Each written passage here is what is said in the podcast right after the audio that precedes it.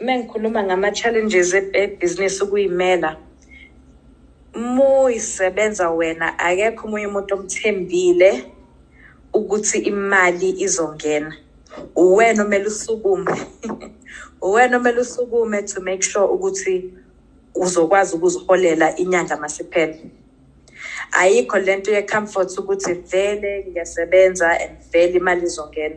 Uwena oyiphayisayo ubone ukuthi izinto zihamba slow eh noma izinto ziyashesha ngihamba kahle noma kumele ngenze okunye ukuze izinto zihambe kahle kakhulu.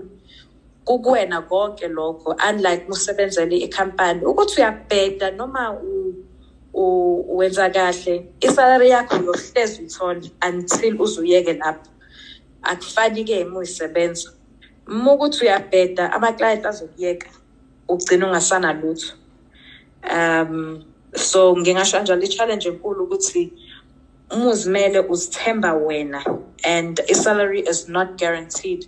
Kuhamba ngokuthi usebenza hard kangakanani and ama-relationships akho nama-client ahamba kanjani and ne-market futhi ihamba kanjani ngoba ziningi izinto that affect ibhizinisi ukuthi eh isaphoso kangakanani izinto zihamba kanjani.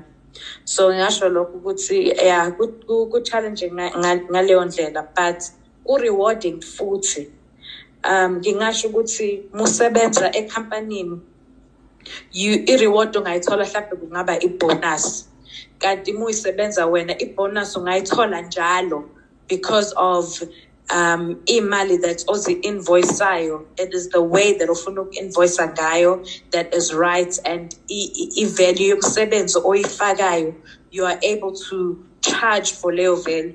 So ngingasebenza wekhampani ngenze i-marketing strategy for ikhampani engiyisebenzelayo. Kodwa i-salary yami njengoba injalo every month. But njengoba ngingaphandle ngiyisebenzela mina uma ngenza strategy angeke ngicharge imali yesalary le bengiyihola because now sengiyayisebenza mina and ngiyayi-understanda i-value of lento engiyenzayo. so